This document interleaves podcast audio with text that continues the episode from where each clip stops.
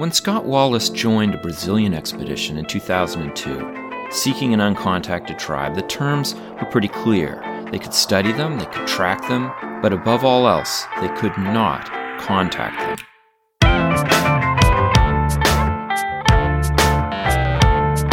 It's time to eat the dogs. I'm Michael Robinson. Today, Scott Wallace talks about this expedition into the Amazon to find the Arrow people. Wallace is a writer and photojournalist who covered a lot of different things in his career, including the wars in El Salvador and Nicaragua for CBS and The Guardian in the 1980s, and since then, he's written extensively for National Geographic. His book, The Unconquered In Search of the Amazon's Last Uncontacted Tribes, tells this story of his expedition. Wallace's work about the Amazon has also recently appeared in the New York Times. Scott Wallace, thanks for coming in to talk to me today. My pleasure. So, in your book, you start the story in the summer of 2002, and you're living in New York after having spent months in the Amazon reporting on environmental devastation. It sounded to me like you were you were thinking like, "Wow, I haven't been back for a while. Uh, I haven't seen my my sons. I'm living in this apartment.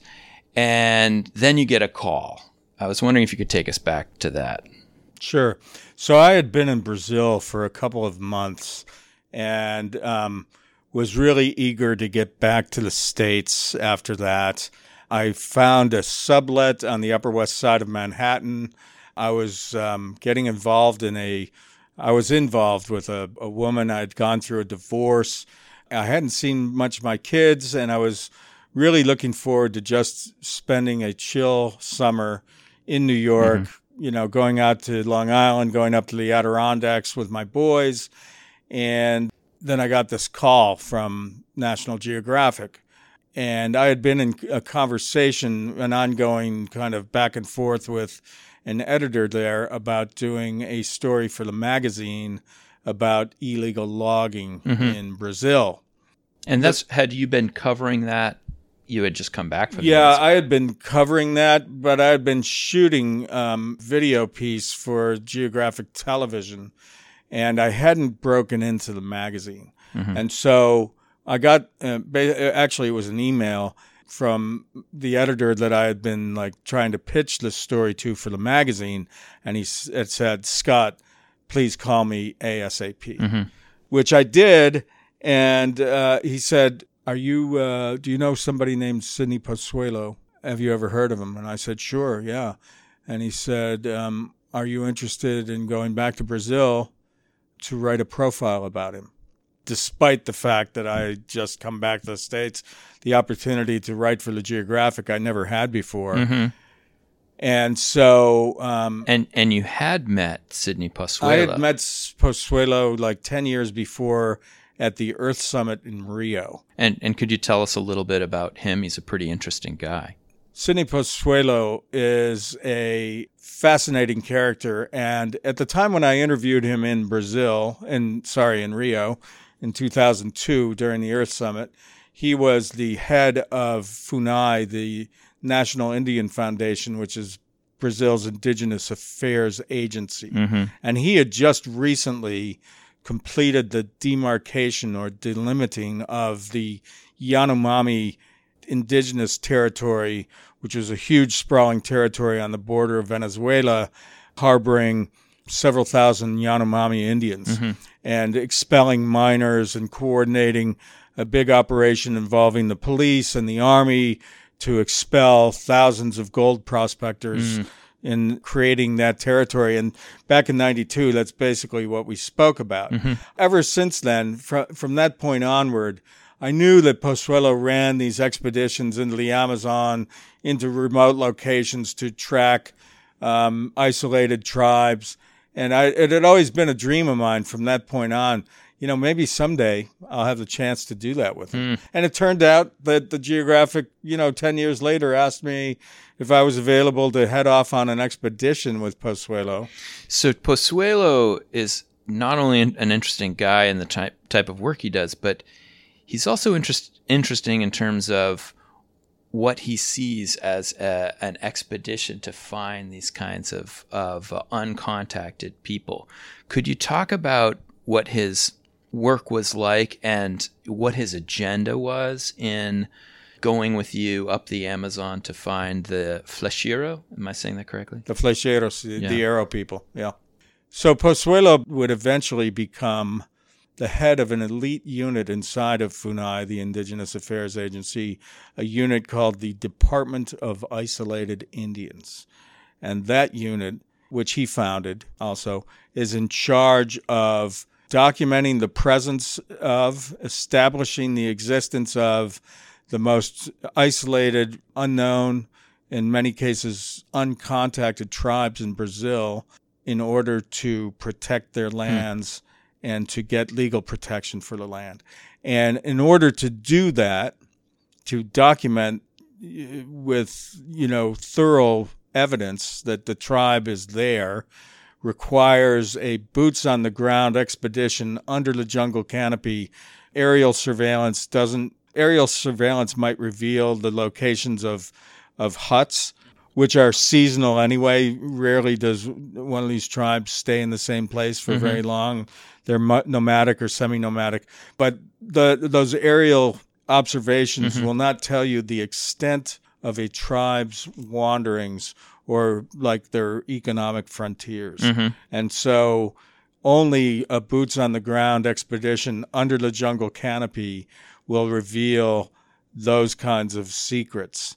And that's crucial information because you need to protect the full extent of a tribe's land area. Mm-hmm. Uh, you don't want to cut it in half or protect only part of it because they'll continue using the other part, but then they're going to come into contact with potentially deadly ways with you know uh, gold prospectors or yeah. or whomever. So, so yeah. So let's talk a little bit about the uncontacted part of this. Yeah, Possuelo is committed to these expeditions to find to uh, establish reconnaissance about these uncontacted tribes, and yet extremely important that they not be contacted.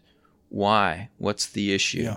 So that's the paradox of these expeditions because you go in, on the one hand, seeking out the tribe to confirm its presence on the one hand while trying to avoid the group on the other.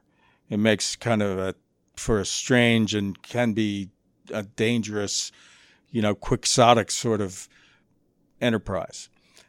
The main reason for avoiding contact is because these groups, these tribes, and there may be, there's several dozen of them in the Amazon today, maybe as many as a hundred still out there in the deepest uh, recesses of the jungle.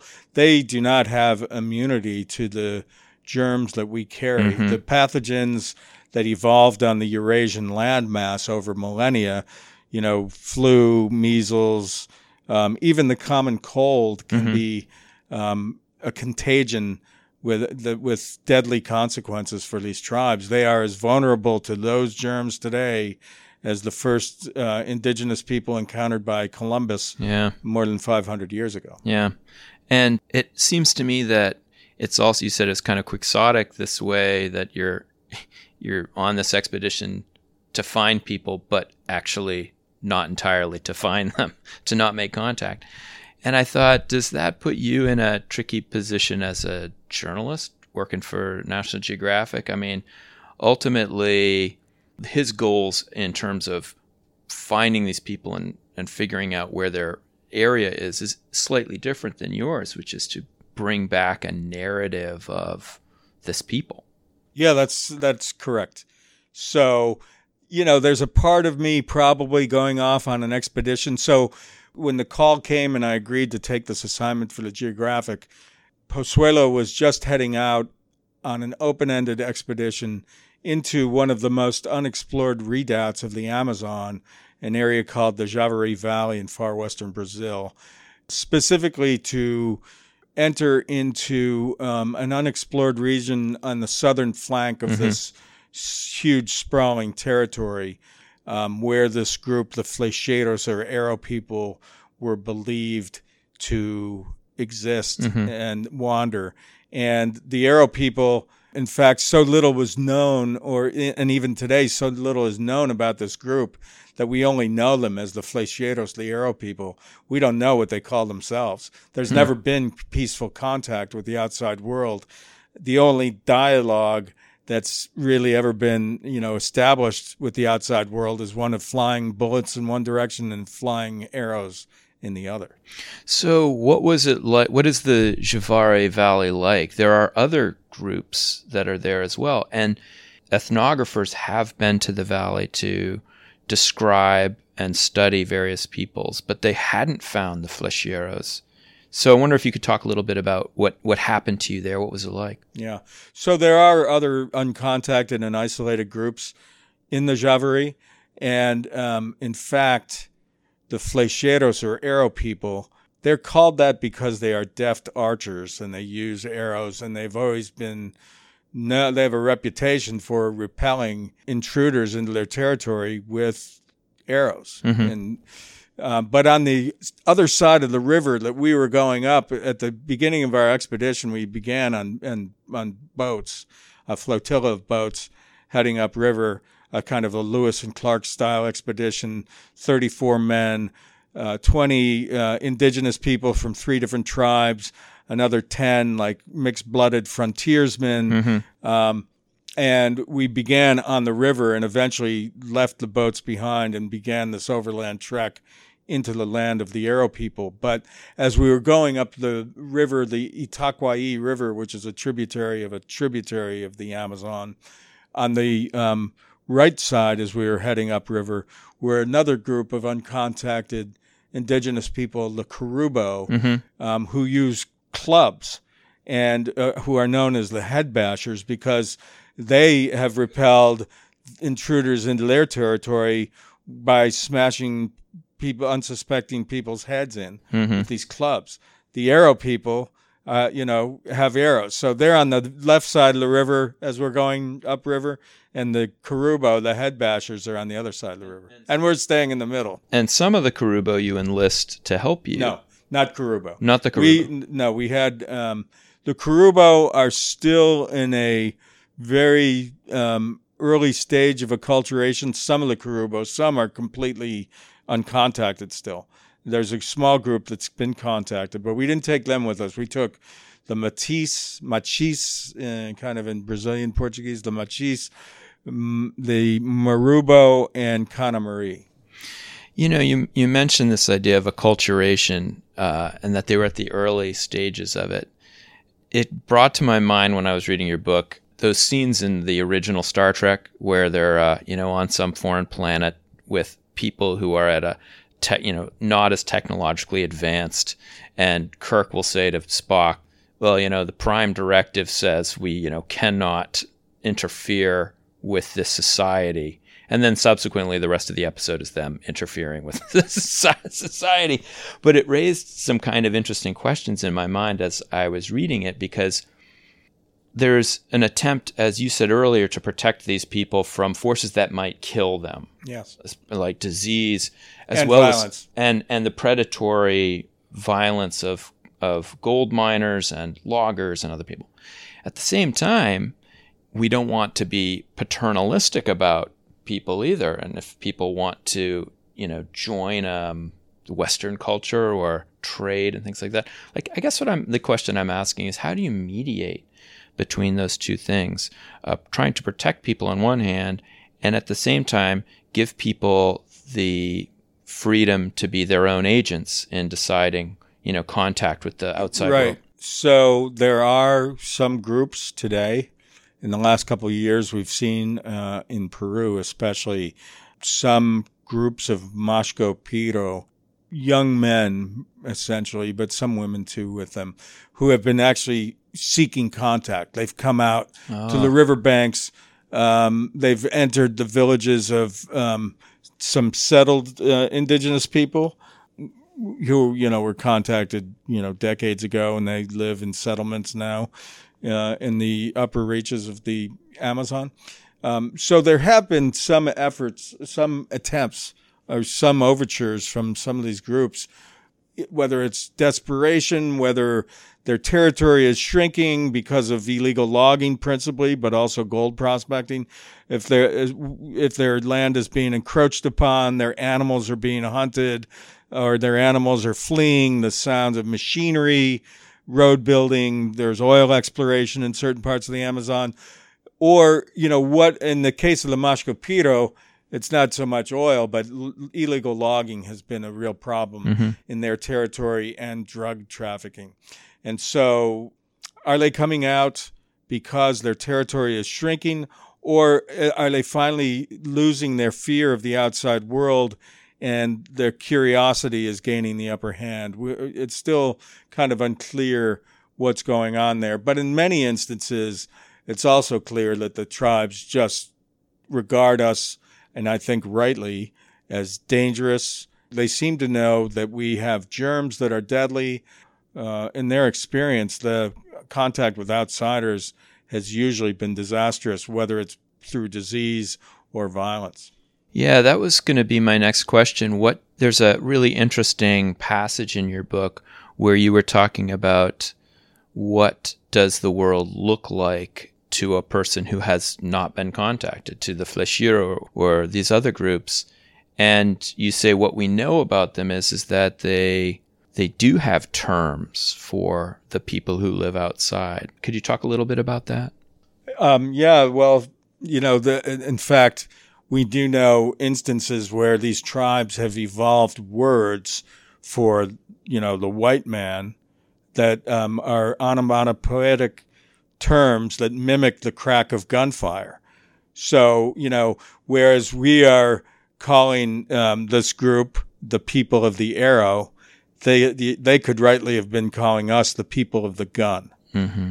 You know, the experience of these tribes in the Amazon and actually elsewhere in the Americas has been starting several centuries ago and even today to be on the receiving end of gunfire.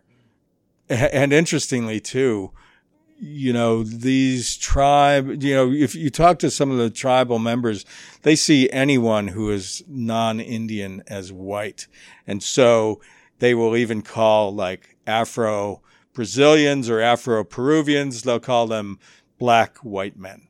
So interesting. After college, you moved to Central America as a journalist and you covered uh, was it were you were you covering the wars in Nicaragua or what Nicaragua, your... El Salvador, Guatemala.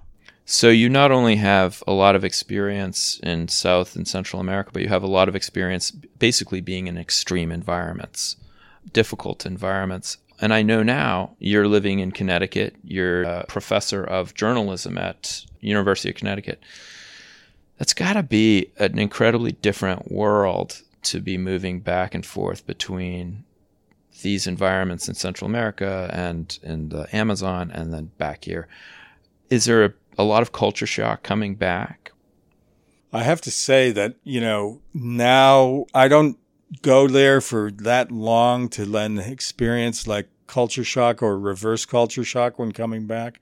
There's, I, I, you know, you kind of develop a sort of ability to kind of switch back and forth. And, and to me, to be able to still work or be able to still go to the Amazon and report. I'm in the midst of a project for National Geographic there right now. And to come back here is, is kind of exhilarating to have, mm. you know, to be able to n- mediate between the two worlds. But when I was in Central America in the 80s, I lived um, there in El Salvador, in Nicaragua, and Guatemala for a total of seven years. Wow. And the real hard part was trying to come back and integrate into life in the States after after that. It was that was really difficult. What was the most uh, difficult part of it? You develop an incredible camaraderie with the journalists that you work with in those kinds of conditions, and um, you know, much like soldiers returning home from Iraq or Afghanistan today, it's you feel kind of isolated and the people don't really understand you or don't understand what you've been through and you miss your friends and you're really the kind of spiritual and social nourishment that you had in those conditions suddenly is gone, and um, you have to get used to a you know a, a new reality that um, you're not the same person you were when you left, uh, and so it's very difficult to come back and readjust after that. So, in the time that after you left Central America early in your career, you've been to an enormous number of places, a lot of them really, you know, off the map, so to speak. Uh, the Pamir Mountains in Afghanistan, Yunnan province in China. As you go to these different places in the role as journalist, do you end up seeing more things that connect the places, or do you see more of the diversity of how these places are different from one another? Uh, that's an interesting question. I think I think it's both. You you kind of build on your previous experience that you know seeing the common threads that run through the societies in one place or another um, is a necessary way of kind of making sense of a new environment. Uh, but then you see the differences too. And the way you kind of operate, you learn how to operate in um, unfamiliar terrain, and that's a tremendous advantage when you're going anywhere. But it's really, you know, Asia has become for me a, a new kind of frontier that I'm really interested in, and um, but it's it's a very different. Well, obviously, it's a different place, but it's also different in the way I have to operate because in in in Latin America and Spanish and Portuguese speaking countries, yeah. I can speak the language, and in in Asia, I don't. So I need to have somebody with me who can help me figure out what's going on. Can you talk about the work that you're doing in China, or is that still not published yet? Well, I mean, this past trip to China was really quite. It was it was nice, but it was easy. I was lecturing in Shanghai, and then went to the Li River Valley in uh-huh. Guangxi Province on a travel assignment. You know, I'm I'm hoping to be able to pursue um, a story that involves my grandfather, my maternal grandfather, who claimed uh, to have discovered a lost tribe in 1931. So this is uh, Francis Baird, your grandfather, yes. and his traveling companion Jill Costly Bat. Am Correct. I pronouncing that correctly? Um, this is kind of an incredible story. I'm wondering if you could talk a little bit about who your grandfather was and uh, what he did, and then I'm going to ask you about how you got involved with tracking it down. So, my grandfather, Francis Kennedy Baird, uh, set off in 1930, um, left my mother behind. She was only five at the time. Uh, with his traveling companion, I kind of surmised, you know, at a certain age that she was probably like a paramour of some kind, Jill Costley Bat. They went off to the Himalayas, and in 1931, um, several months after my mother last saw her father, they claimed to have discovered a lost tribe in the border regions of China and India. And um, I didn't know much about him growing up. As a matter of fact, he disappeared from my mother's life. She only saw him once again, like 10 years later, very briefly. Uh, he was never talked about when I was growing mm. up. Curiously, my mother kept a portrait of him on the bedroom wall and on the bedroom where she and my father slept. There was a portrait of him, uh, kind of shaggy haired, beard, sort of studied look of you know hipness. you know, it was really a really a remarkable photo. What was his career? Why was he even in India? Well, good question. What his career was because on uh, documents that I have since turned up in the last several years since my mother died.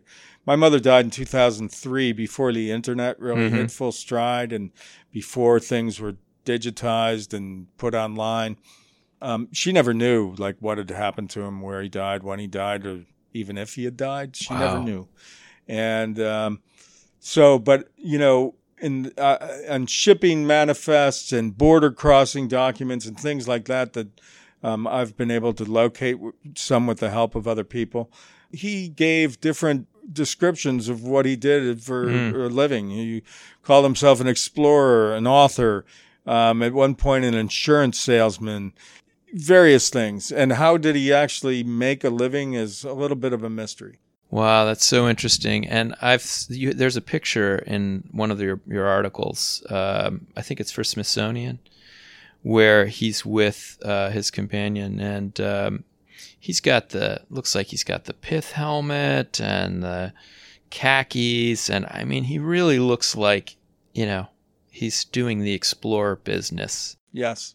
I'm just wondering, it's a very interesting time period, too, the early 1930s. It's kind of right after the golden age of uh, polar exploration and African exploration.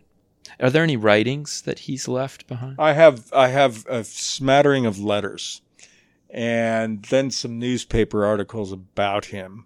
So, yeah, this is kind of like the Edwardian period, interwar period, when this kind of globe is shrinking it's interesting because it's still, you know, ocean liners were still the way of the of international travel.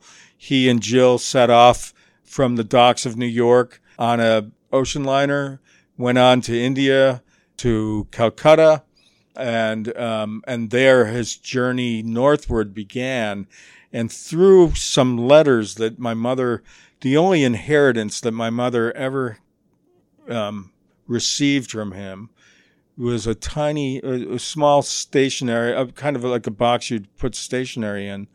And she had a number of letters and photographs from him in that box, mostly from this journey to India that she kept.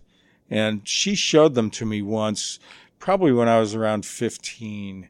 And shortly before she died, and I didn't know she was going to die, but shortly before she died, I asked her about that box and where those letters were, and she went and got them and she gave it to me. Wow. And so I have those letters. And through those letters, but also doing more research, I hired a researcher in London who went into the National Archives there and found a secret file that the British were keeping on him and Jill during their trip into the Himalayas. Wow. And they were trying to keep Jill and Baird out of Tibet. Right. That was those were the days of the Great Game, right? Between... Those were the, that's exactly right, and they were afraid of a that Baird and Jill uh, might provoke some kind of international incident. But through that file, I was able to find out a lot more about them and about that journey that they took, and enabled me to retrace the journey a few years ago mm-hmm. on assignment for Smithsonian for a travel magazine, Smithsonian Journeys Quarterly. Were you aware of your grandfather's story before you wrote your book about the Flecheiro? I was aware of the story before the book came out, but not before I went on the trip. So here's a guy I never met whose presence in my life was extremely indirect, but who had this fixation or whose sort of singular achievement in his life was having claimed to discover the lost tribe. And, you know, I end up trekking through the land of a so called lost tribe in the Amazon. Yeah.